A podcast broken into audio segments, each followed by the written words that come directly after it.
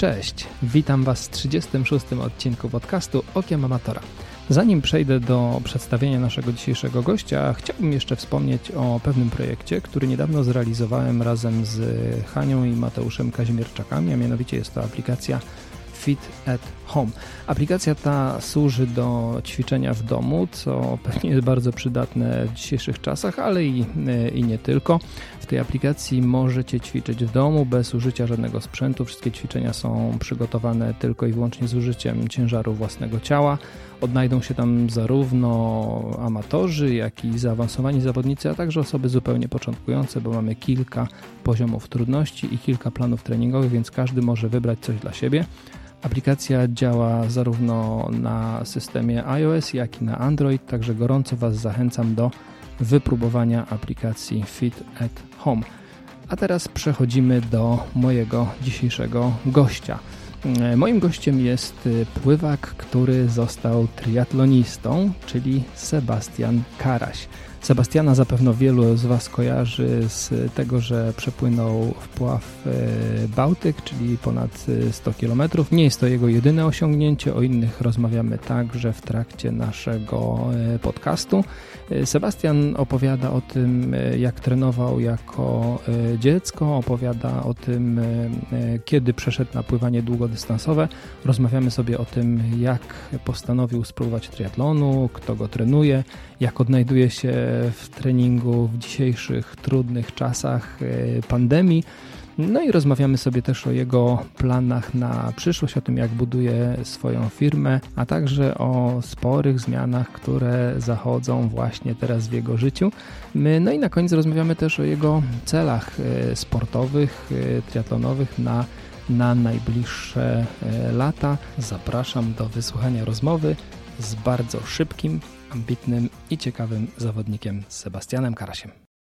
Cześć, witam Was w kolejnym odcinku Okiem Amatora. Dzisiaj moim gościem jest wielokrotny medalista Mistrzostw Polski, trener, menadżer klubu w jednej osobie, czyli Sebastian Karaś. Cześć Sebastian. Cześć, cześć wszystkim. Cześć, Sebastian. E, chciałem powiedzieć, że tak łatwo się z Tobą umówić w tych dzisiejszych czasach, że wystarczy tylko wysłać wiadomość, a Ty właściwie już kolejnego dnia jesteś gotowy na rozmowę, ale wcale tak nie jest. E, trzeba trochę poczekać na odpowiedź, trzeba poczekać na termin. Jak to jest możliwe? Powiedz mi, co Ty robisz przez ostatnie dwa miesiące? E, co ja robię? Znaczy teraz nie ukrywam, że troszeczkę bardziej poświęciłem się treningowi z tego względu, że no, pracy mam zdecydowanie mniej Wszystkie pływalnie są zamknięte, więc e, cała nasza tak jakby baza, jeżeli chodzi o działalność, czyli prowadzenie zajęć nauki i doskonalenia pływania, a także takich treningów pływackich, no poszła w odstawkę. E, więc mam dużo więcej czasu na treningi, e, dużo więcej czasu też na regenerację, w sensie takim, że teraz widzę jaka jest różnica po prostu, jak się siedzi w samochodzie, jak się jeździ po Warszawie tyle godzin, E, i no po prostu jak ten organizm zupełnie inaczej funkcjonuje teraz i wysypiam się, więc ja nie ukrywam, że korzystam z uroku tych czasów obecnie. No wysypianie się to chyba e, w życiu pływaka taki zdecydowanie brakujący element, a szczególnie pływaka trenera, e, bo ja też e, wiem jak chodzę na WUM czasami na zajęcia i wiem tam zaczynacie zajęcia o siódmej, niektórzy o szóstej rano, a ostatnie się kończą o dwudziestej drugiej, więc tutaj ta przerwa jest taka dosyć krótka. Powiedziałeś, że zacząłeś teraz bardziej się skupiać na treningu. Masz na myśli na treningu swoim jako zawodnika, czy też bardziej swoich podopiecznych? Mm, znaczy zdecydowanie bardziej, jeżeli chodzi o e, moje własne treningi i przygotowanie triatlonowe. E, jeżeli chodzi o trenowanie innych osób, to obecnie działamy tylko w formie e, online i po prostu prowadzę tam trzy razy w tygodniu takie treningi ogólnorozwojowe, bardziej takie pływanie na sucho no i troszeczkę właśnie też tam działam pod kątem rozpisywania tych planów treningowych też w formie mailowej. No i to jest ta działalność, która pozwala nam się jakby utrzymać w tym momencie. E, I no a poza tym właśnie trenuję troszkę więcej, e, bo zawsze trenowałem no nie, nie jakoś mało, tylko po prostu było zdecydowanie mniej czasu na regenerację, bo najczęściej to wyglądało po prostu wyjście z własnego treningu i nie wiem, czy pozostanie na płycie basenu i prowadzenie właśnie zajęć bezpośrednio na pływalni, czy nie wiem, kończę bieg i od razu gdzieś tam jadę też prowadzić zajęcia, więc to jest taka dosłownie przeplatanie, że nie było takiego momentu wytchnienia i żeby nawet e, spokojnie zjeść w ten sposób. Wiesz, to brzmi jak, e, jakby tobie ta sytuacja obecna pasowała, chociaż zakładam, że tak nie jest. Znaczy, w, pewnym stopniu tak, e, no i staram się jakby czerpać z tego jakieś tam profity i korzyści, wykorzystać ten czas jak najlepiej. E, bo jednak e, no, łatwo się załamać i nie wiem, się zastanawiać, o co ja mógłbym robić, tutaj nie wiem, że nie ma pracy, jakoś staram się po prostu w ogóle totalnie nie myśleć negatywnie, tylko właśnie korzystam jak najwięcej, dużo więcej zacząłem czytać na przykład teraz też w tej, w tej czasie regeneracji, również o fizjologii treningu, e, no w, przede wszystkim w, pod kątem kolarstwa i biegania, żeby też to wejść na troszeczkę jeszcze wyższy level i no żeby ten poziom sportowy podnosić i no zrozumieć tą fizjologię lepiej pod takim kątem, że e, no pod kątem takiego dłuższego dystansu właśnie w tych specyficznych warunkach, bo jednak no w pływaniu to e, myślę, że wiem bardzo dużo, ale mm, jednak no, ta specyfika biegu, kolarstwa też jest troszkę inna. To nie jest tak, że to jest coś zupełnie innego, bo to jest również sport wytrzymałościowy, jednak jak chce się moim zdaniem osiągać bardzo dobre rezultaty, to trzeba szukać poparcia badań naukowych e, i tak jakby szukać tych rozwiązań, które stosują e, chociażby nasi zachodni sąsiedzi, e, bo jednak no, w Polsce poziom triatlonowy nie jest niestety najwyższy i to trzeba przyznać. E, fajnie u nas na polskim podwórku się pościgać e, nawet z kategorią pro, ale jak gdziekolwiek wyjedziemy za granicę, to niestety no, poziom jest dużo, dużo wyższy. E, no i właśnie tutaj ja również chciałbym szukać tych właśnie mm, jakby detali, które powodują, że ci zawodnicy są po prostu tacy mocni. E, no i myślę, że Polacy również mogą być bardzo dobrzy w tej dyscyplinie, tylko trzeba no, wyszukać talentów, trzeba jednak te młode dzieciaki jakby e, na ten sport ukierunkować. E, wydaje mi się, że w obecnej sytuacji, gdzie bardzo dużo polskich amatorów uprawia triatlon, to wydaje mi się, że tu e, właśnie dzieci e, tych osób e, mogą zawojować za jakieś tam 5-10 lat, no bardziej 10 myślę, właśnie w triatlonie, tylko że również musi za tym iść prawidłowe szkolenie, żeby no, tych po prostu te talenty wyłowić i je odpowiednio ukształtować, bo jednak organizmy mamy, nie wiem, nie, nasz organizm nie różni się niczym innym od Niemca, czy nie wiem, Francuza, Hiszpana i tak dalej, bo mhm. możemy mieć, nie wiem, wyjściowe VO2 max bardzo wysokie i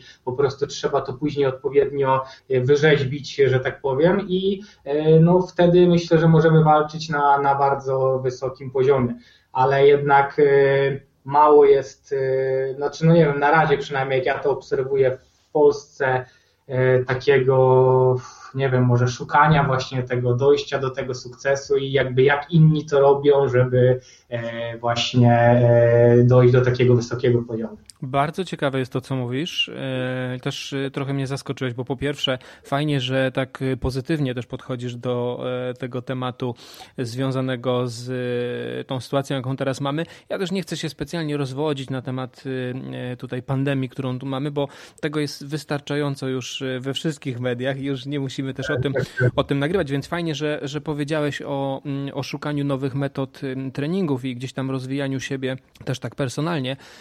Jeszcze tak tak nawiązując do tego, mm, to, że czytasz o e, metodologii treningu, o fizjologii i szukasz tych przykładów za granicą, robisz to bardziej pod kątem treningu swojego dla siebie i rozwoju siebie jako zawodnika, czy myślisz bardziej pod kątem jako trener, co mógłbyś swoim zawodnikom e, zaproponować?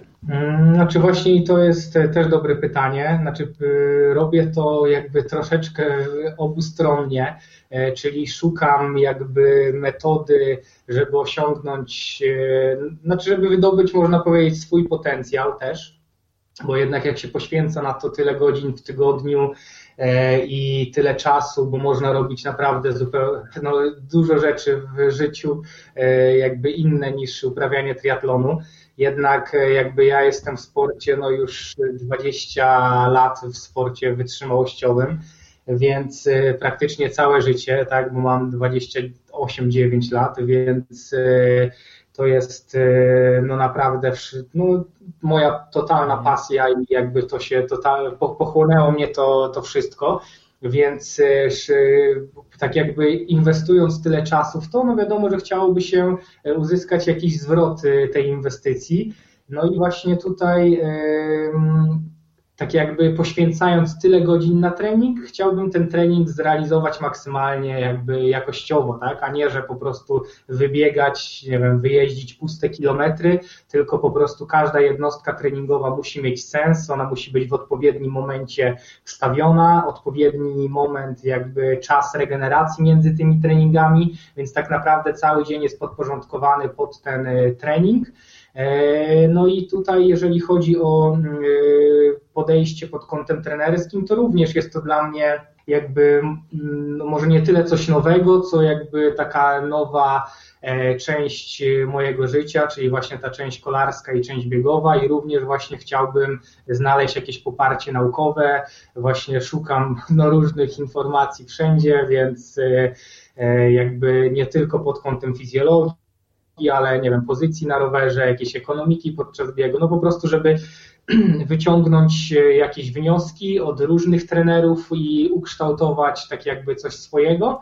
E, no ale tak jak powiedziałem, dla mnie najważniejsze są badania naukowe i to wszystko potwierdza jakby jak e, jaka jest ta rzeczywistość i w którym kierunku należy pójść, bo jeżeli ktoś sobie mówi, o, że to na przykład zadziałało na mnie, ale to wiadomo, że to może nie zadziałać na kogoś innego, musi być jakaś większa grupa ludzi, no ale no myślę, że no, przede wszystkim bardzo mnie to satysfakcjonuje, cieszę się tym i chyba to jest najważniejsze, że nie szukam jakby czegoś innego, nie nudzę się, bo to chyba najgorsze byłoby to, jakby, nie wiem, siedzieć, patrzeć się w ścianę i się zastanawiać, co ja chcę robić w życiu, mhm. więc tutaj bardzo się cieszę, że odnalazłem też e, ten triatlon, tak jakby następny etap tej mojej kariery pływackiej, no i w ten sposób funkcjonuje i myślę, że jest to, znaczy na ten moment bardzo się tym cieszę wszystkim. Okej, okay, dobra, no to widzisz, zacząłeś e, o e, swojej karierze, no to teraz ja bym chciał się troszkę cofnąć tutaj do tyłu. No i tutaj wiem, że wiele osób się skupia tutaj na tym wyczynie 100 km przez Bałtyk i przede wszystkim o tym rozmawiamy. Ja bym jednak się chciał cofnąć jeszcze troszkę wcześniej, a mianowicie dlaczego ty się w ogóle zdecydowałeś na, na pływanie, bo to trening pływacki to jest jest taki dosyć e, ciężki reżim, nie? z tego co e, słyszałem. Z własnego doświadczenia się nie wypowiem, bo nie wiem, ale z tego co e, słyszę, albo czytam, albo rozmawiam z pływakami, to jest to bardzo, bardzo ciężki taki reżim dla dziecka do wytrzymania. Treningi często dwa, nawet trzy razy dziennie, wcześniej rano, późno wieczorem później szkoła. Nie wiem, no jest dużo takich też łatwiejszych sportów, na przykład, nie wiem, piłka nożna e, albo, albo cokolwiek innego. Skąd ten w ogóle pomysł na pływanie akurat? Mm, znaczy, szczerze mówiąc, to pamiętam, że zaczynaliśmy z, razem z Robertem, zresztą od tam jakichś różnych innych dyscyplin, chyba nawet na piłkę też chwilę wchodziliśmy, jakieś tam karate i tak dalej ale pamiętam, że zawsze tata nam powtarzał, że musimy uprawiać jak najmniej kontuzjogenny sport i zapisał nas na pływanie. E, jakoś tam od razu w tym pływaniu mm, dobrze nam szło. E, znaczy, generalnie byliśmy bardzo sprawnymi dziećmi i mega szybko się uczyliśmy wszystkiego, e, ale no jakoś w tym pływaniu ja od razu zacząłem odnosić sukcesy. Dosłownie po paru miesiącach jakoś zacząłem wygrywać zawody różne e, w tych kategorii najmłodszych dzieci. A ile miałeś lat? Wtedy miałam 8 lat. No i pamiętam, że jak miałam 8 lat, to chyba po dwóch czy trzech miesiącach treningu popłynąłem 16 albo 17 sekund na 25 metrów I właśnie na takich szkolnych zawodach e, jakby wyprzedziłem te dzieciaki o połowę tego basenu, czyli o 12 metrów. I to od razu było widać, że jakby mam jakieś tam predyspozycje do, do tego sportu. No i jakoś to chyba też było taką motywacją, e, żeby wytrzymać ten reżim, że jednak te regularne starty, regularne sukcesy, jakieś tam poprawianie e, własnych wyników i to chyba utrzymuje też w takim tym no, ciężkim systemie. No ale to nie ma co ukrywać, że pływanie naprawdę jest z jednym z najcięższych sportów. Nie mówię, że najcięższy, bo każdy, nie próbowałem innych rzeczy, ale wydaje mi się, że taki no pod, triatlon też jest bardzo ciężki, tylko że jest bardziej urozmaicony, a tutaj trzeba jednak właśnie dwa razy dziennie na pewno wchodzić e, do wody, to szczególnie o godzinie 6 rano to jest najgorszy moment, jak się stoi nad tą e, naniecce i się patrzy na tą wodę, to każdy pływak zawsze się zastanowi 10-15 sekund, e, tak jakby trzeba się skoncentrować przed tym wejściem bo ta woda, no ona ma 27 stopni, jak już po rozpływaniu kilku minut to jest w miarę e, ciepło, ale jednak ten szok w stosunku do temperatury naszej skóry, naszego ciała, jednak zawsze jest ten szok termiczny, no i robiąc to tysiące razy jakby w ciągu roku, ten moment czując taki, taki dreszcz, to jednak przez, nie wiem, 15 lat, no to no, jest to, jest to na pewno wymagające dla psychiki. Zdecydowanie już e, nie wspomnę oczywiście o liczeniu kafelek e, na dnie, szczególnie jeżeli robisz treningi cały czas na tym samym basenie. No, dokładnie, dokładnie, że tutaj nawet się nie porozmawia z nikim. No w grupie jest też troszeczkę łatwiej jednak, bo pamiętam, no teraz trenuję już wiele lat jakby samodzielnie, e, że większość treningów realizuję samemu, ale w grupie no też jest dużo, dużo przyjemniej. Jest szczególnie różnica, jak się z kimś umówię na trening, to aż tak dużo się nie myśli, nawet nie wiem, jakiekolwiek zdanie się zamieni przed wejściem do wody, to już jest łatwiej. No ale jednak samo wpływanie w sobie jest ciężkim sportem, no ale też jest pięknym sportem. Dużo osób uprawia ten sport Szkoda, że jest tak mało mm, popularny, y, bo jest bardzo wymagający, jest według mnie niedoceniany, bo ci ludzie poświęcają na najwyższym poziomie światowym no, naprawdę bardzo wiele, żeby osiągać y, wyniki. Jest też takim dosyć dziwnym sportem, bo nie zawsze jakoś to przygotowanie przekładało się na rezultat na zawodach. Według mnie jakieś y, kolarstwo czy bieg jest troszkę bardziej taki jakby nie wiem, czy prawdopodobne, czy coś w tym stylu, ale chodzi mi o to, że tutaj. Przewidywalne? Przewidywalne, bo chodzi o to też, że jest taki parametr jak e, czucie wody i po prostu czasami to czucie ucieka. Nie wiem, że ktoś może być fizycznie przygotowany bardzo dobrze, jednak później na przykład zachlapie się, w sensie ta frekwencja E, może być zbyt duża, nie ma tego pociągnięcia, tego ciągu i to ciało się nie, nie przesuwa odpowiednio, szczególnie w sytuacjach jakichś takich dużego stresu. Tak jest, że mięśnie są dodatkowo napięte i tak jakby nie ma tego przesunięcia się po, e, po wodzie, więc y, no często y, patrząc na właśnie na, no na różnych pływaków, tak jakby nie wiadomo dlaczego na przykład nie idzie na bezpośrednio na zawodach, tak? Więc e, E, pływanie tutaj właśnie jest też troszkę dziwne pod tym kątem, ale to już na pewno wchodzą e, inne czynniki. Ja absolutnie się w 100% zgadzam też z własnego doświadczenia. Mówię, pływanie jest absolutnie niesprawiedliwe, bo wkłada się dużo czasu, dużo wysiłku, a wyniki są tak. E, bardzo, bardzo różne. Dobra, to pójdziemy teraz sobie dalej, bo mm, zacząłeś pływać tak jak większość pewnie zawodników, jako młode dziecko. Później zdecydowałeś się przejść na pływanie długodystansowe, nie? czyli troszkę coś tam innego. Po drodze tak. oczywiście y, normalnie startowałeś na zawodach, y, y, na, na basenach, takich dystansach standardowych, później do pływania długodystansowe. I teraz dwa takie pytania. W jakim wieku przeszedłeś do pływania tych, tych takich dłuższych dystansów i dlaczego? Skąd taki pomysł, żeby jednak się wydłużać? E, miałem wtedy e, chyba 20 lub 21 lat, jak, e, jak się właśnie przekwalifikowałem na to pływanie długodystansowe. E, specjalizowałem się wcześniej w stylu grzbietowym e, na dystansach właśnie 50, 100 i 200 metrów. E, takim moją koronną konkurencją było zawsze 200 metrów.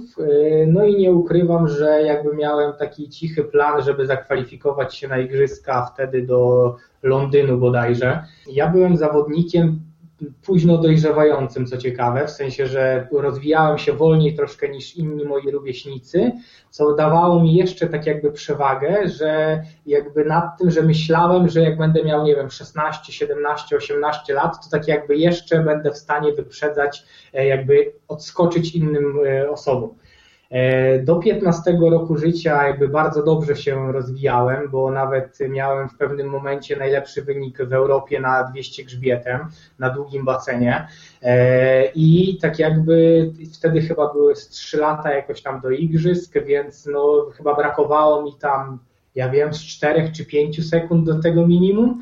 E, no i wiedziałem, że jakby są duże szanse, żeby się zakwalifikować, bo to jeszcze jak byłem młody taki, e, pamiętam, że wtedy mocno rywalizowałem z Radkiem Kawęckim, czyli obecnym mistrzem świata, bo to jest mój rocznik właśnie 9.1. No jednak pamiętam, że w pewnym momencie, jak miałem właśnie 15 lat, e, cały czas się rozwijałem, no jednak czułem, że zaczynam gubić technikę. Wtedy na przykład było tak, że jakby no, zmieniłem trenera, bardzo dużo zaczęliśmy pływać w łapkach, e, co tak z perspektywy czasu, wpływając w takich patelniach jakby i utrzymując prawidłowe ułożenie ręki pod wodą, no nie wiem, czy to w ogóle jest możliwe, jeszcze tym bardziej w stylu grzbietowym, gdzie tą rękę trzeba tak wykręcić i żeby ten bark później nie wypadł, to przy takim obciążeniu to jest w ogóle no cud a czy też nie chciałbym tutaj jakby jakoś e, wchodzić w jakieś kompetencje trenerów i tak dalej, ale no wiem, że to się bardzo, bardzo zmieniło po prostu teraz i to, co zresztą mój trener były powiedział, że kiedyś to, że tak powiem, nasza teoria treningu było to, że pływacy codziennie robili Tour de France i tak przez cały rok właśnie, że mniej więcej tak to wyglądało w stosunku do tego, co jest teraz, to mm, no po prostu pewnie dlatego między innymi te wyniki jakoś tam się zatrzymały i ostatecznie zabrakło mi trochę do, do tego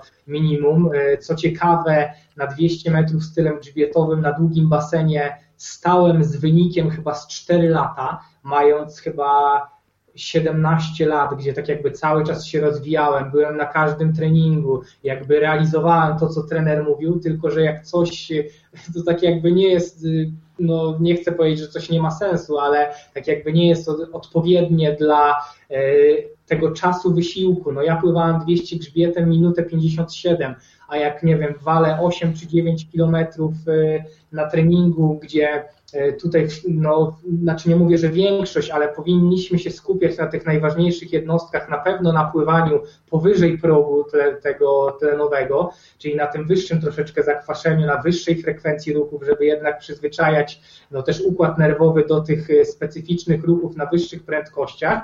Wiadomo, że też trzeba pływać w tlenie, ale nie wiem, no typu zadania, ja pamiętam, my pływaliśmy ja pod 200 grzbietem 4 razy 1500 do zmiennego, czyli 1500 delfin, 1500 grzbiet, 1500 żaba, 1500 kraul. Takie na przykład zadanie. Albo 10 kilometrów ciągiem ręce łapki. To na przykład ja tak, z, z, takiego, z takich zadań jakby potrafiliśmy w miarę szybko pływać, ale moim zdaniem dlatego też no, w Polsce później się nie, nie do końca rozwijaliśmy, tak? Więc y, w pewnym momencie stwierdziłem właśnie, że też no, z tego treningu i ogólnie tak jakby po prostu też nie chciałam rezygnować ze sportu, bo no, tak jak mówię, że kocham to, e, więc stwierdziłem, że wtedy wchodziło pływanie długodystansowe, to był chyba 13 rok, właśnie rok po igrzyskach i stwierdziłem, że tak jakby tam wystartuję wtedy na 10 kilometrów na Mistrzostwach Polski, bo to też był tak jakby ten dystans olimpijski. No i akurat tak się złożyło, że wygrałem te Mistrzostwa Polski i zostałem tak jakby w tym długim dystansie.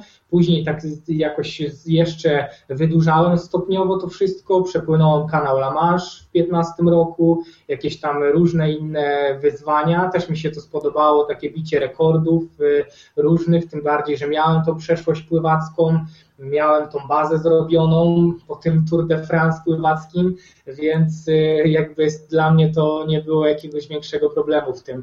E, a co przede wszystkim, to miałem mocną psychę, szczerze mówiąc, i to wydaje mi się, że przy takich wyzwaniach, żeby utrzymać się w treningu, trzeba mieć bardzo mocną głowę e, i to akurat wiem, że posiadam to, mhm. więc jakby i to, to też mi pozwoliło zrobić to, e, co wcześniej zrobiłem. Mhm.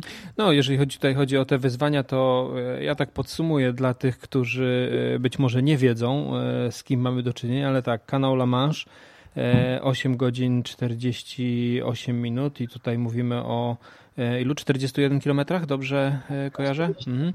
Otyliada, czyli 24-godzinny maraton pływacki na... Tam było 12, tam było 12 godzin. Otyliada, tam było 12 godzin. A, 12, 12 godzina, okej. Okay. Tak, 54 400. Okej. Okay. Okej, okay, no właśnie. E, później Bałtyk, e, lekko ponad 100 km, prawie 101, 28 godzin pływania. To naprawdę e, trzeba mieć dosyć mocną głowę na, na takie atrakcje. Teraz mnie też, wiesz, zastanawia, skąd pomysły na takie wyzwania i taką, mam taką własną cichą teorię. Czy wy przypadkiem z bratem nie macie takiej konkurencji, kto zrobi coś bardziej mm, szalonego, dłuższego, trudniejszego? Znaczy, takiej konkurencji nie mamy, ale e, chyba wydaje mi się, że to troszkę wciąga jednak, jak się zrobi coś, e, znaczy inaczej, może ja nie zaczynałem od tego Bałtyku, na początek przepłynąłem, pamiętam, z Helu do Gdyni 18 czy tam 19 kilometrów, później przepłynąłem dwa razy ten dystans, jakieś najdłuższe jezioro, ta Otyliada, że tak powiem stopniowo dochodziłem do, do tego Bałtyku. E, I pamiętam jeszcze, jak właśnie pierwszy raz przepłynąłem z Helu do Gdyni, to w życiu by mi się nie śniło, że będę w stanie przepłynąć coś takiego pięć razy, jakby w trudniejszych warunkach, e, w zimniejszej wodzie. E, wydaje mi się, że stopniowo trzeba stawiać sobie takie jakby realne cele, czyli coś, co rzeczywiście jest osiągalne, ale też jest trudne dla danej osoby, bo wtedy to przynosi jakby dużą satysfakcję. Bo jakbyśmy robili coś, co nie wiem, jest dla nas bardzo łatwe, to wydaje mi się, że nie, nie byli, nie, człowiek by się tak nie nakręcił na to i nie miałby takiej motywacji, żeby do tego dążyć e, codziennie. Więc tak jakby ja stopniowo z biegiem czasu wydłużałem ten dystans, utrudniałem sobie zadanie. Mm, jeżeli chodzi o samą historię Bałtyku, to właśnie pomysł powstał bezpośrednio po przepłynięciu kanału La Manche E, czyli e, po prostu chciałem e, wtedy dokonać czegoś, czego jeszcze nikt nigdy nie zrobił, czyli jakoś też zapisać się w tej historii pływackiej, właśnie ten dystans koło brzegu na Bornholm, E, no tak sobie wymyśliłem po prostu, że tutaj też, żeby zahaczyć o polski ląd e, i e, właśnie zrobić też tutaj coś no blisko, że tak powiem, nasz, naszego kraju i właśnie dokonać no, takiego wyczynu. No wiesz, ja też pytałem skąd ten pomysł taki na takie wyzwania bardzo, bardzo trudne i długie, no bo można podchodzić do tego na dwa sposoby. Albo próbujesz płynąć coraz szybciej i pobijać te tak. swoje rekordy personalne, albo próbować y, płynąć coraz dłużej, nie? No i tutaj oczywiście dłużej dla każdego to może znaczyć coś, e, coś zupełnie innego, dla kogoś długo to będzie 5 kilometrów na, na basenie, dla, dla ciebie długo to będzie, to będzie setka w Bałtyku, nie? Ale jakby poszedłeś tą drogą wyzwania takie bardziej ekstremalne, bardziej dłuższe y, i tak jak mówiłeś, to chyba też wynika z tej trochę takiej konstrukcji psychicznej. Mhm, tak, dokładnie i też na pewno to wynika z tego, że jakby ja już miałem tą swoją karierę takiej walki o każdą setną sekundy e, kilkunastoletnią, którą miałem wcześniej. E, później właśnie na te tam, nie wiem, z 3-4 lata e, z jakby bardziej wszedłem w ten dystans ultra i w wyzwania. Ale co ciekawe, właśnie po Bałtyku brakowało mi takiej rywalizacji, walki z czasem i tutaj pojawił się znowu triatlon, więc tak. tak trochę to się zapętla, nie? Dokładnie. Do tego właśnie, do, to, to idealnie wprowadziłeś mnie w ten kolejny, y, kolejny etap pytań, które tutaj mam przygotowane, jeżeli chodzi o debiut w triatlonie.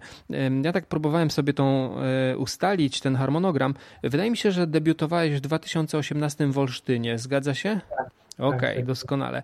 E, no i teraz to jest kurczę strasznie niesprawiedliwe, bo debiutujesz e, w Olsztynie i od razu zdobywasz e, drugie miejsce Open i pierwsze w kategorii z bardzo dobrym czasem na Olimpice, bo to lekko powyżej dwóch godzin. Jak ten debiut wspominasz? Wspominam bardzo źle, naprawdę. To było dla mnie jedno z cięższych dwóch godzin w moim życiu, ale to wszystko dlatego, że popełniłem bardzo duży błąd i wziąłem za mało picia na, na tą część kolarską, bo pamiętam, że miałem tylko bidon półlitrowy e, na te 40 km roweru. E, było wtedy jeszcze bardzo gorąco i po prostu się odwodniłem. Do takiego stopnia, że nawet akurat się spotkałem na jednym zakręcie z takim moim zawodnikiem i poprosiłem go, czy mi nie da łyka picia, to właśnie wziąłem od niego łyka, oddałem mu bidon i pojechałem dalej ale było tak po prostu fatalnie, że już później na biegu to e, no, było mi bardzo ciężko.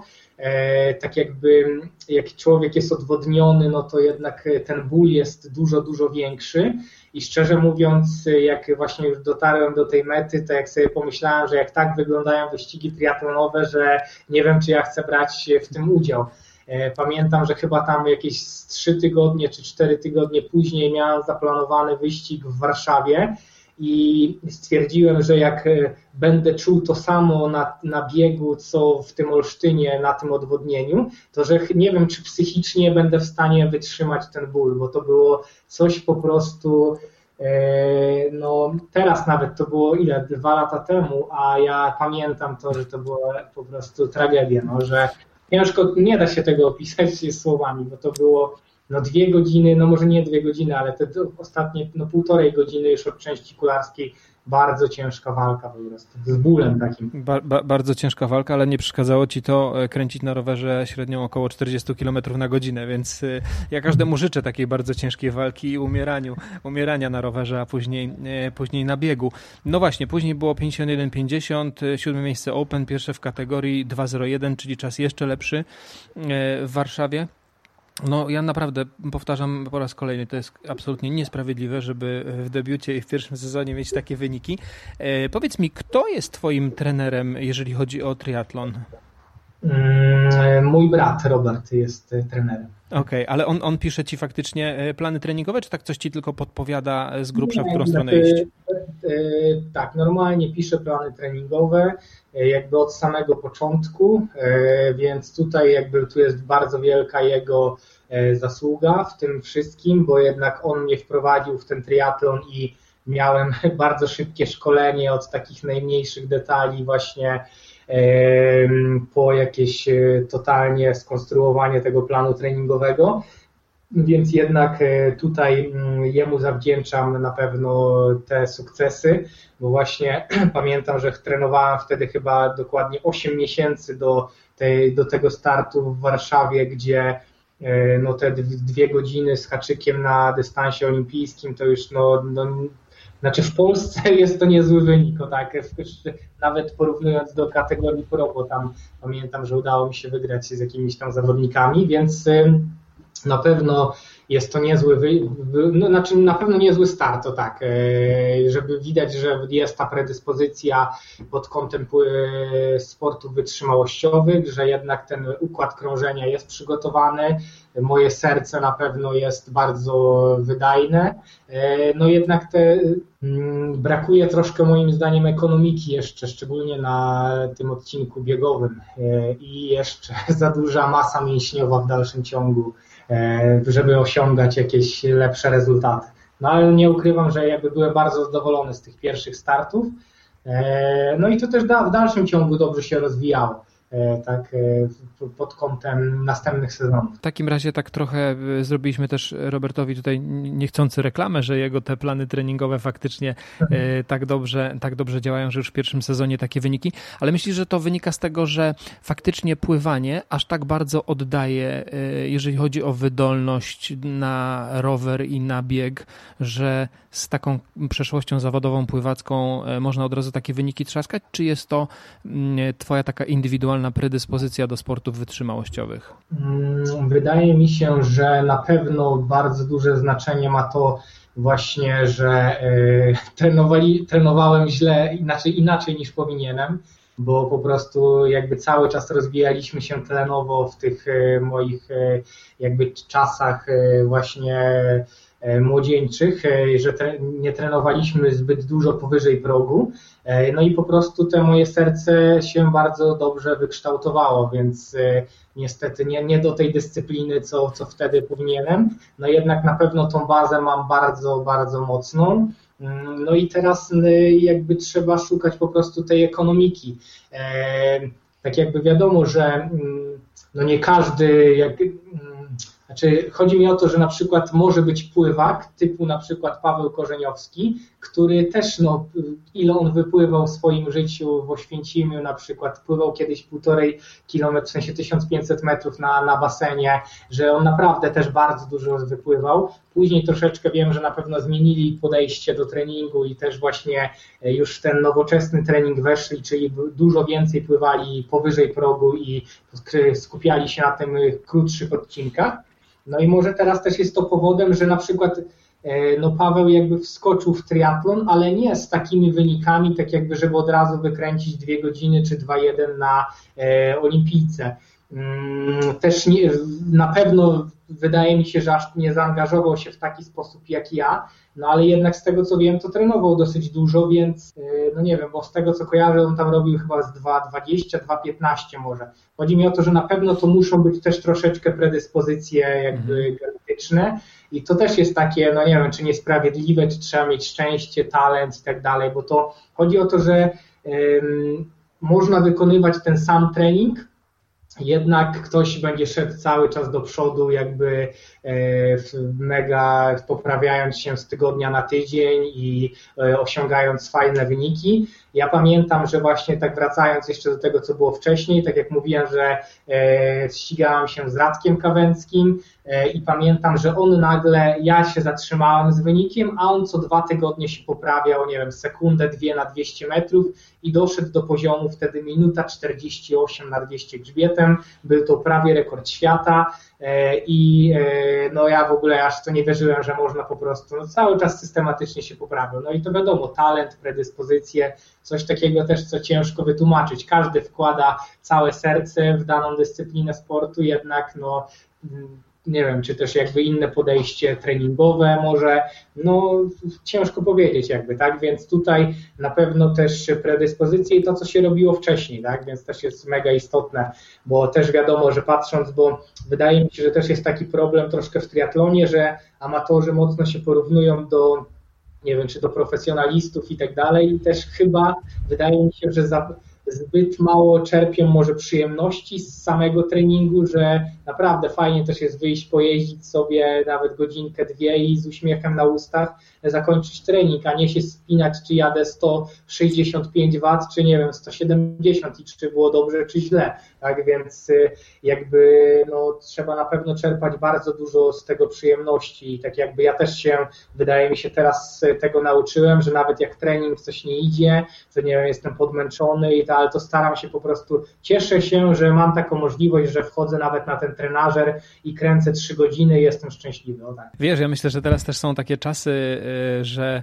y, dla tych osób, którym trenowanie samo w sobie nie sprawia przyjemności, no to y, może być trochę kłopot, bo jeżeli chodzi o zawody w tym roku, no to podejrzewam, że raczej się nic nie odbędzie z tego, co słyszymy. Możemy sobie spekulować oczywiście, ale teraz zdecydowanie albo sprawia ci przyjemność trenowanie, no albo nie trenujesz, no, no bo tutaj takiego celu w zasięgu ręki wzroku chyba nie ma. No, znaczy to prawda i akurat właśnie ostatnio kolega do mnie napisał, jak tam e, jak tam idą mi treningi, jak się motywuje, czy daje radę. Ja w ogóle tak w sumie, że bez zawodów, a ja w sumie ani razu nie pomyślałem, że nie wiem, no, przygotowuję się oczywiście, żeby być w jak najlepszej dyspozycji, ale tak się jaram samym treningiem w sobie, że w ogóle tych zawodów na razie one mi nie są jakoś szczególnie potrzebne, tak, więc też musiałem mentalnie do tego dojrzeć, bo kiedyś bym e, jakby tego nie, nie rozumiał. Też bardzo dużo mi dało to, jak miałem taką przerwę dwumiesięczną właśnie w tym sezonie. Co ciekawe, jak właśnie zrobiłem bardzo dobry wynik na koniec drugiego sezonu, czyli tam 3,56 na połówce, to jak właśnie pod, cały czas tak jakby troszeczkę zadawałem sobie dużo pytań pod koniec sezonu, po co to robię, jakby, że tyle czasu poświęcam na tą dyscyplinę, że właśnie te 20 godzin na przykład y, tygodniowo, e, że nie wiem, już mam tyle lat, już y, jakby e, no, osiągnąłem tak naprawdę w sporcie to, co chciałem, jakoś tak, y, nie wiem, nie, nie robię tego dla tych krążków, medali i tak dalej, tylko tak jakby, no w sumie sam się zastanawiałem, po co to robię właśnie. I stwierdziłem, że jakby kończę swoją karierę e, triatlonową tam po tym drugim sezonie i właśnie zakończyłem, nie trenowałem e, dwa miesiące I w tym czasie zrozumiałem właśnie po co to robię i od, tej, od, od tamtej przerwy tak jakby każdy trening jest przyjemnością, tak więc mhm. czasami warto może się zrobić krok w tył, przemyśleć wszystko, że to nie jest na siłę, że nikt mnie do tego nie zmusza, tylko że ja po prostu wewnętrznie tego potrzebuję, lepiej się czuję sam ze sobą, nie wiem, jestem zdrowszy, dobrze się wygląda, no nie wiem, same plusy tak naprawdę jakby troszeczkę też e, ucieka się od jakichś e, innych e, złych, nie wiem, nałogów i tak dalej, bo to jednak trzeba dobrze zjeść, nie można się nawalić w weekend za bardzo, żeby później móc zrealizować kolejne jednostki treningowe, więc tak naprawdę same plusy, a jeszcze to bardzo dużo szczęścia daje, więc no, trzeba po prostu, no ja to zrozumiałam, o tak, i chyba to mi dało taką radość, że teraz w tym okresie nawet zawody mi nie są szczególnie potrzebne, tylko cieszę się z każdego treningu. Mhm. Nie, no absolutnie tak. I tu właśnie miałem też e, wspomnieć to e, przechlewo, tą połówkę w przechlewie, gdzie e, faktycznie złamałeś 4 godziny, co z reguły dla nawet takich ambitnych amatorów jest to cel albo nieosiągalny, albo taki już prawie że święty gral. No i tu moje pytanie trochę uprzedziłeś, jakby co, co dalej, no bo po, po złamaniu tych 4 godzin na połówce ciężko jakiś taki kolejny, znowu taki namacalny, mocny cel, nie? Przynajmniej jeżeli chodzi o czasowy. Więc albo wtedy idziemy, no dobra, to ścigamy się w zawodach, albo idziemy w stronę, tak jak tutaj powiedziałeś teraz, no dobra, to teraz już tylko się bawimy treningiem, nie? No bo, bo te cele sportowe chyba zrealizowałeś. Hmm, znaczy, co dalej? Na pewno chciałbym jeszcze zrobić e, długi dystans, to na pewno. Mhm e, prawda, w tym sezonie jeszcze myślałem o połówce, jeżeli uda się gdzieś wystartować we wrześniu, no zobaczymy, no to może tam wystartuję, a jak nie, to sobie zrobię sam połówkę we własnym zakresie i zobaczę ile wykręcę i e, też będzie dobrze.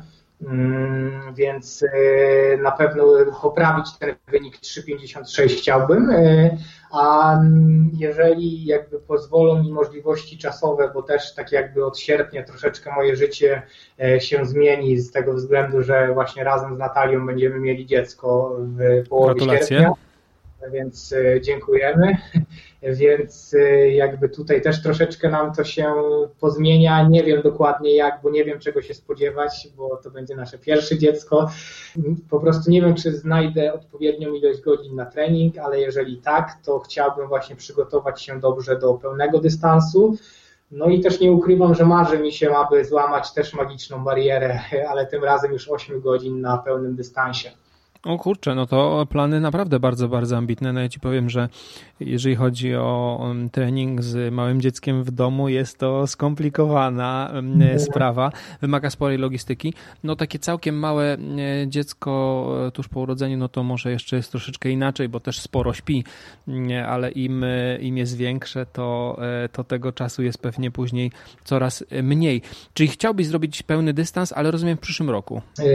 Pewnie tak. Znaczy właśnie to jest jest uzależnione, bo zobaczymy, mm. jak Natalia jakby będzie się czuła, jak będziemy to wszystko mogli ogarnąć, bo nie ukrywam, że e, też e, jakby w sporcie indywidualnym niestety, no w sensie, że ja też nie jestem tak, nie, nie mógłbym znieść tego, jak patrzyłbym, że nie wiem, jestem na rowerze, a coś sobie Natalia na przykład nie radzi z czymś i po prostu to, tego moja psychika by nie, nie zniosła, więc na pewno bym musiał odpuścić trening, a jak już mówimy o takim przygotowaniu się no, odpowiednim, e, to no, trzeba po prostu jednak tych, tych godzin troszeczkę wykręcić, bo to innej opcji nie ma, szczególnie pod cały dystans, ta objętość musi być dosyć duża.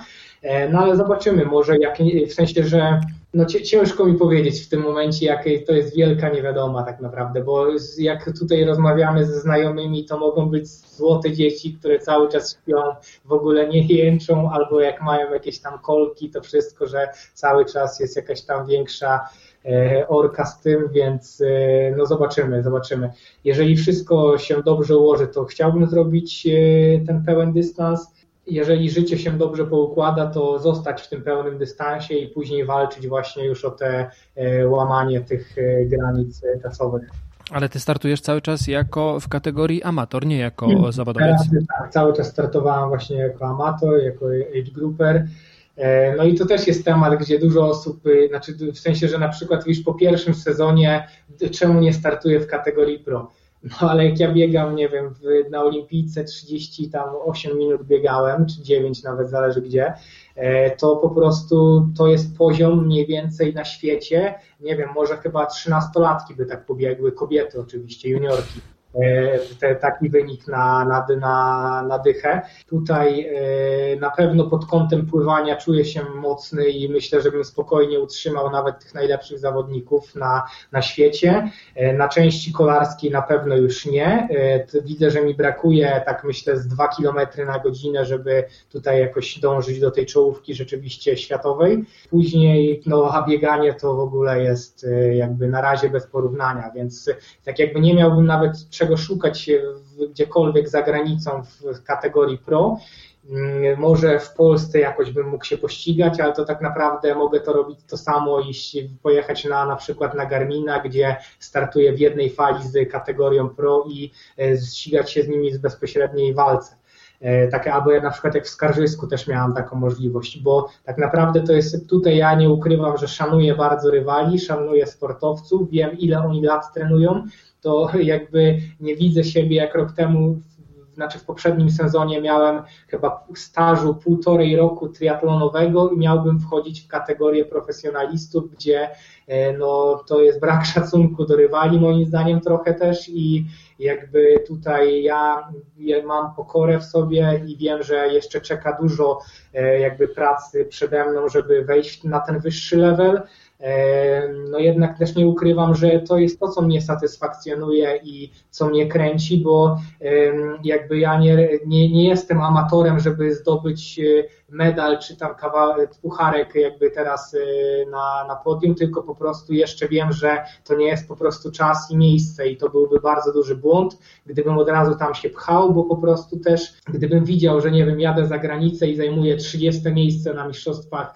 e, jakiś tam, to też psychicznie to by było bardzo ciężko znieść. I tak jak czasami też się tak nakręcam, o jak jakieś treningi lepsze idą, coś tam sobie zaczynam porównywać i nie wiem, patrzę na Sandersa, na Frodo i tak dalej, to sobie myślę, o Jezu, to w ogóle gdzie jest czym do ludzi, tak? W sensie, że to jest aż takie no, niesamowite, więc to trzeba nie można też patrzeć zbyt daleko, moim zdaniem, żeby utrzymać tą motywację.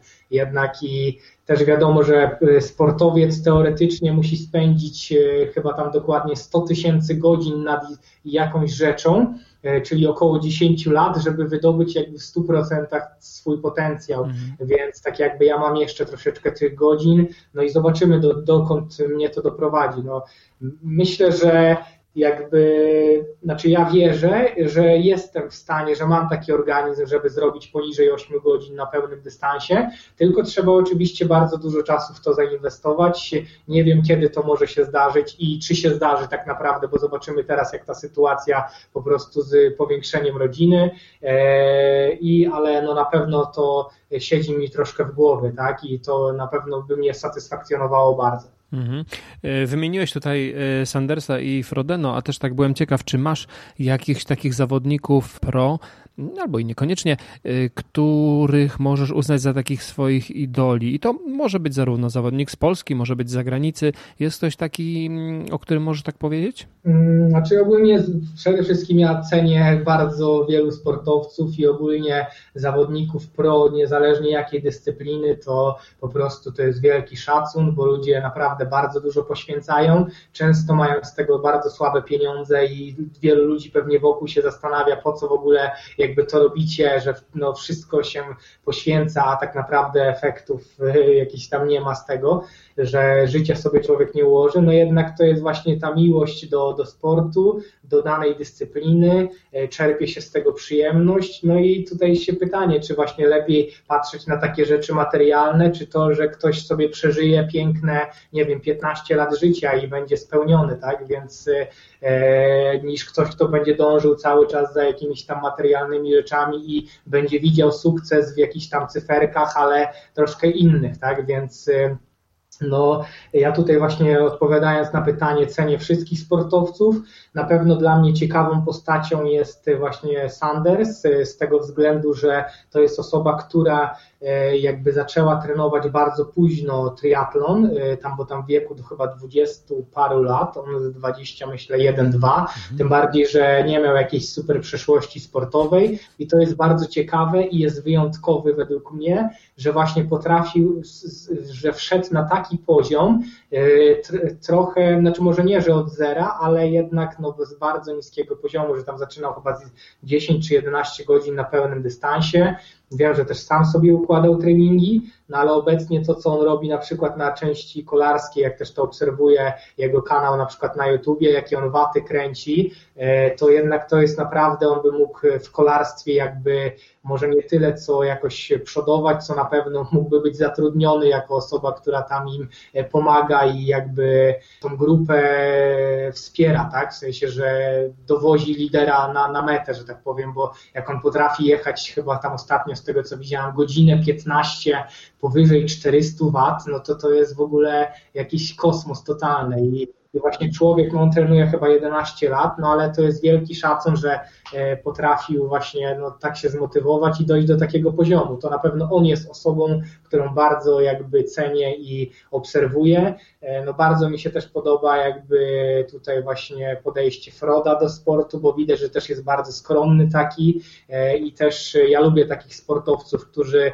jakby sobie trenują po cichu, a jednak wyniki mówią swoje, a nie, że tutaj jakby w jakiś sposób jakby promują siebie jakoś, a nie, niekoniecznie wynik idzie w parze z tym wszystkim. Tak? No dobrze, dobrze.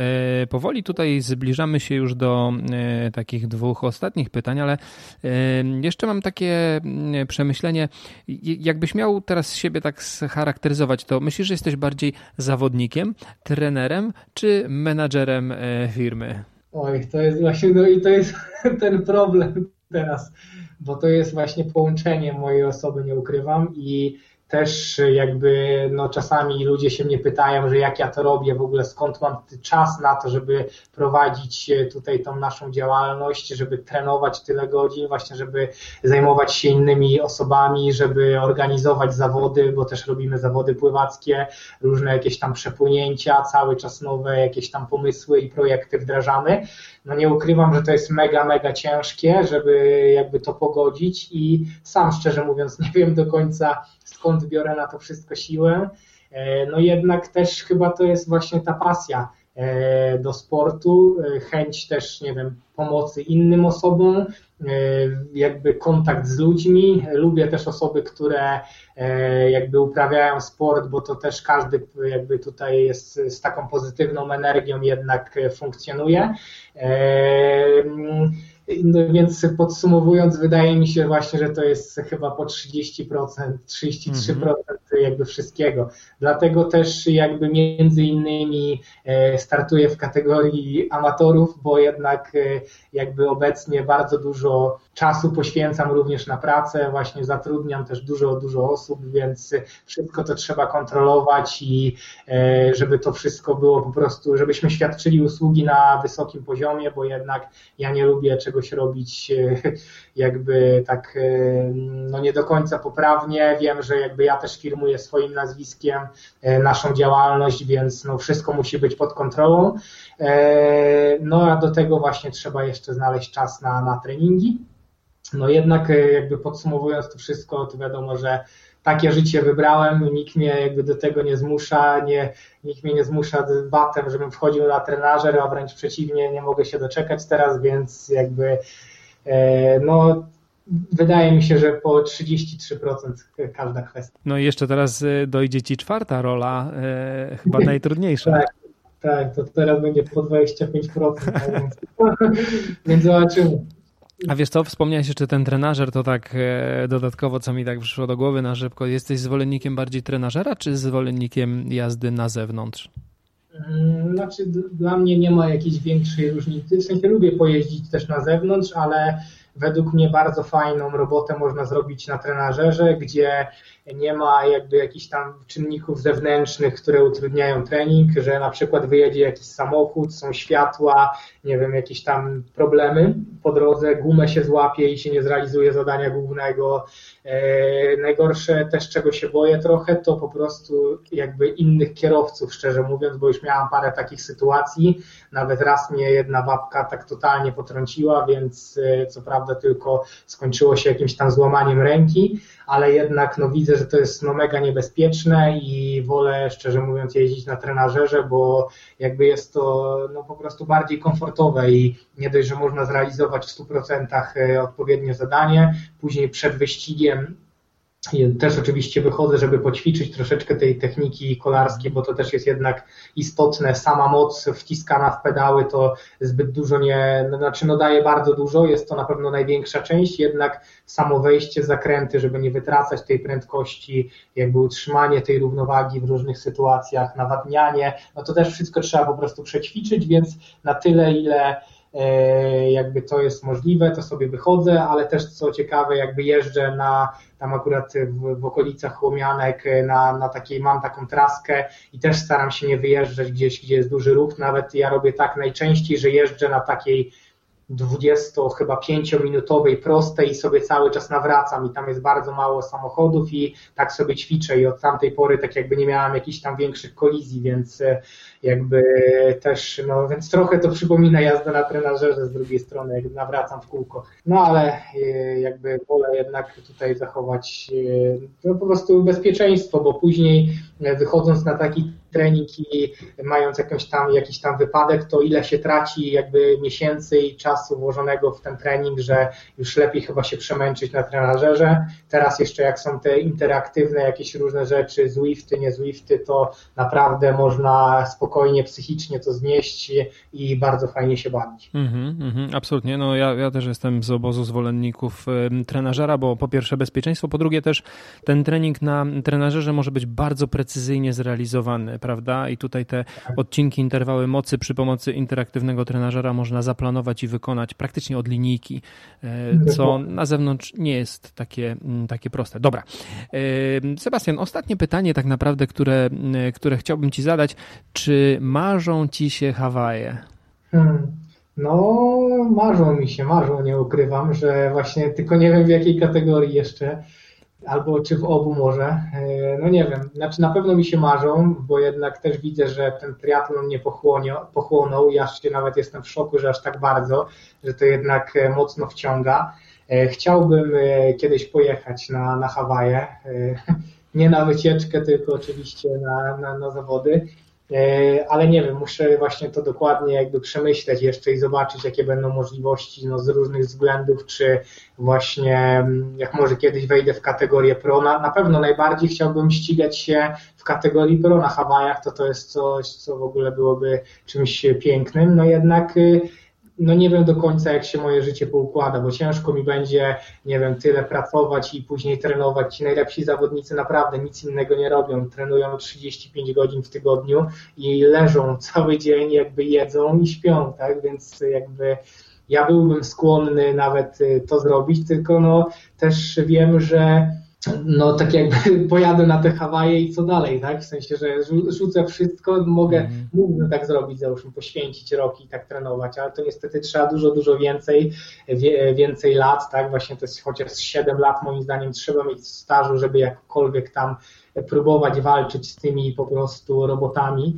bo ciężko nazwać inaczej tych ludzi, którzy no, po prostu ścigają się na takich prędkościach. No jednak z drugiej strony największa szansa jest według mnie na takim długim dystansie, dlatego też na przykład Sanders jakby ściga się pewnie na połówce i na, na całym, bo ciężko byłoby mu na olimpijce wykręcać 29 minut na dychę, gdzie właśnie nigdy wcześniej nie, nie trenował biegania, czy tam nie był jakby kształtowany lekkoatletycznie, faktycznie od takiego bardzo wczesnych lat dziecięcych, tak? Więc tak jakby na pewno na tych długich dystansach, tak jakby takiej osobie jak mi będzie dużo, dużo łatwiej, żeby pobiec maraton po 3,50 y, po właśnie po rowerze, niż biec po 2,55 y, na dychę, tak? Więc to jest w ogóle jakiś, co już dla mnie jest totalnie nie, nie do objęcia swoją głową, tak? Więc y, obecnie takie 3,50 na maratonie to jeszcze jakoś tam widzę, ale jakby... Kiedyś, po rowerze? Tak? Tak, w dłuższej, jakby, no, w,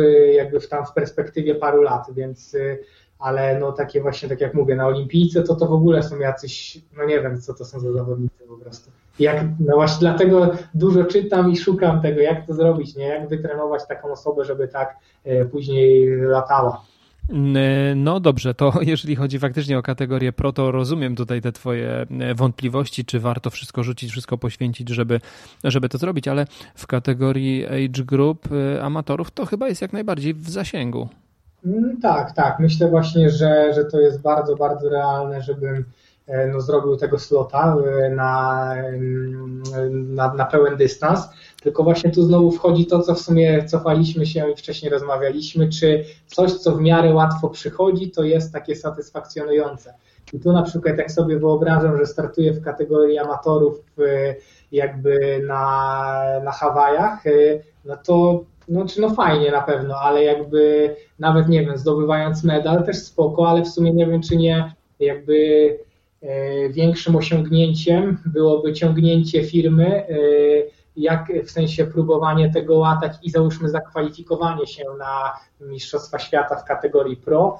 E, I e, to na pewno by mnie bardzo satysfakcjonowało. I gdybym utrzymał oczywiście jakość naszych usług, e, które świadczymy, tak, a nie mhm. wszystko olał, więc jakby było tylko tak bym to widział, bo raczej ciężko by mi było z tego zrezygnować wszystkiego. Ja widzę, że ten taki duch współzawodnictwa e, jednak siedzi w tobie bardzo, bardzo mocno. E, no ale cóż, no to ja w takim razie e, życzę ci zdecydowanie tego, żebyś się na te Hawaje e, zakwalifikował, ten cen zrealizował e, w takiej albo innej kategorii, najlepiej w kategorii pro, jeśli nie to w amatorach. A myślę, że zwycięstwo na Hawajach, nawet jako amator zostanie mistrzem świata w swojej kategorii wiekowej, to nie będzie takie proste, więc to będzie zdecydowanie. Ja, ja wiem. Dokładnie, bo tu jeszcze tylko przepraszam, że wtrącę, ale właśnie, bo też tego tematu nie poruszyliśmy, że nawet y, właśnie osoby, które mnie nakręcają, żebym wszedł na przykład w kategorię pro od razu, to nie, nie są świadomi, jak szybcy są amatorzy, którzy są za granicą. I to jest właśnie ta też różnica, że amatorzy za granicą to pamiętam chłopaka w Gdyni, który zrobił 3,52 na tej trasie w Gdyni. E, on był akurat w mojej kategorii e, i pobiegł godzinę chyba 10 albo godzinę 11 na połówce i jest tak jakby amatorem, tak? I pobiegł tyle co Frodo. Co prawda Frodo wiadomo, że on tam się zbytnio nie przemęczał teraz w Gdyni, ale no pobiegł tam te godzinę 11, więc tak jakby taka właśnie jest różnica, że poziom pro za granicą jest dużo, dużo wyższy, ale amatorski poziom jest również bardzo wysoki, tak? I właśnie dlatego też między innymi jakby nie podejmuje tej decyzji zbyt pochopnie. Dokładnie tak, dokładnie tak. Dobrze, e, w takim razie moim i waszym gościem był Sebastian Karaś. Sebastian, bardzo Ci dziękuję za rozmowę. Bardzo dziękuję.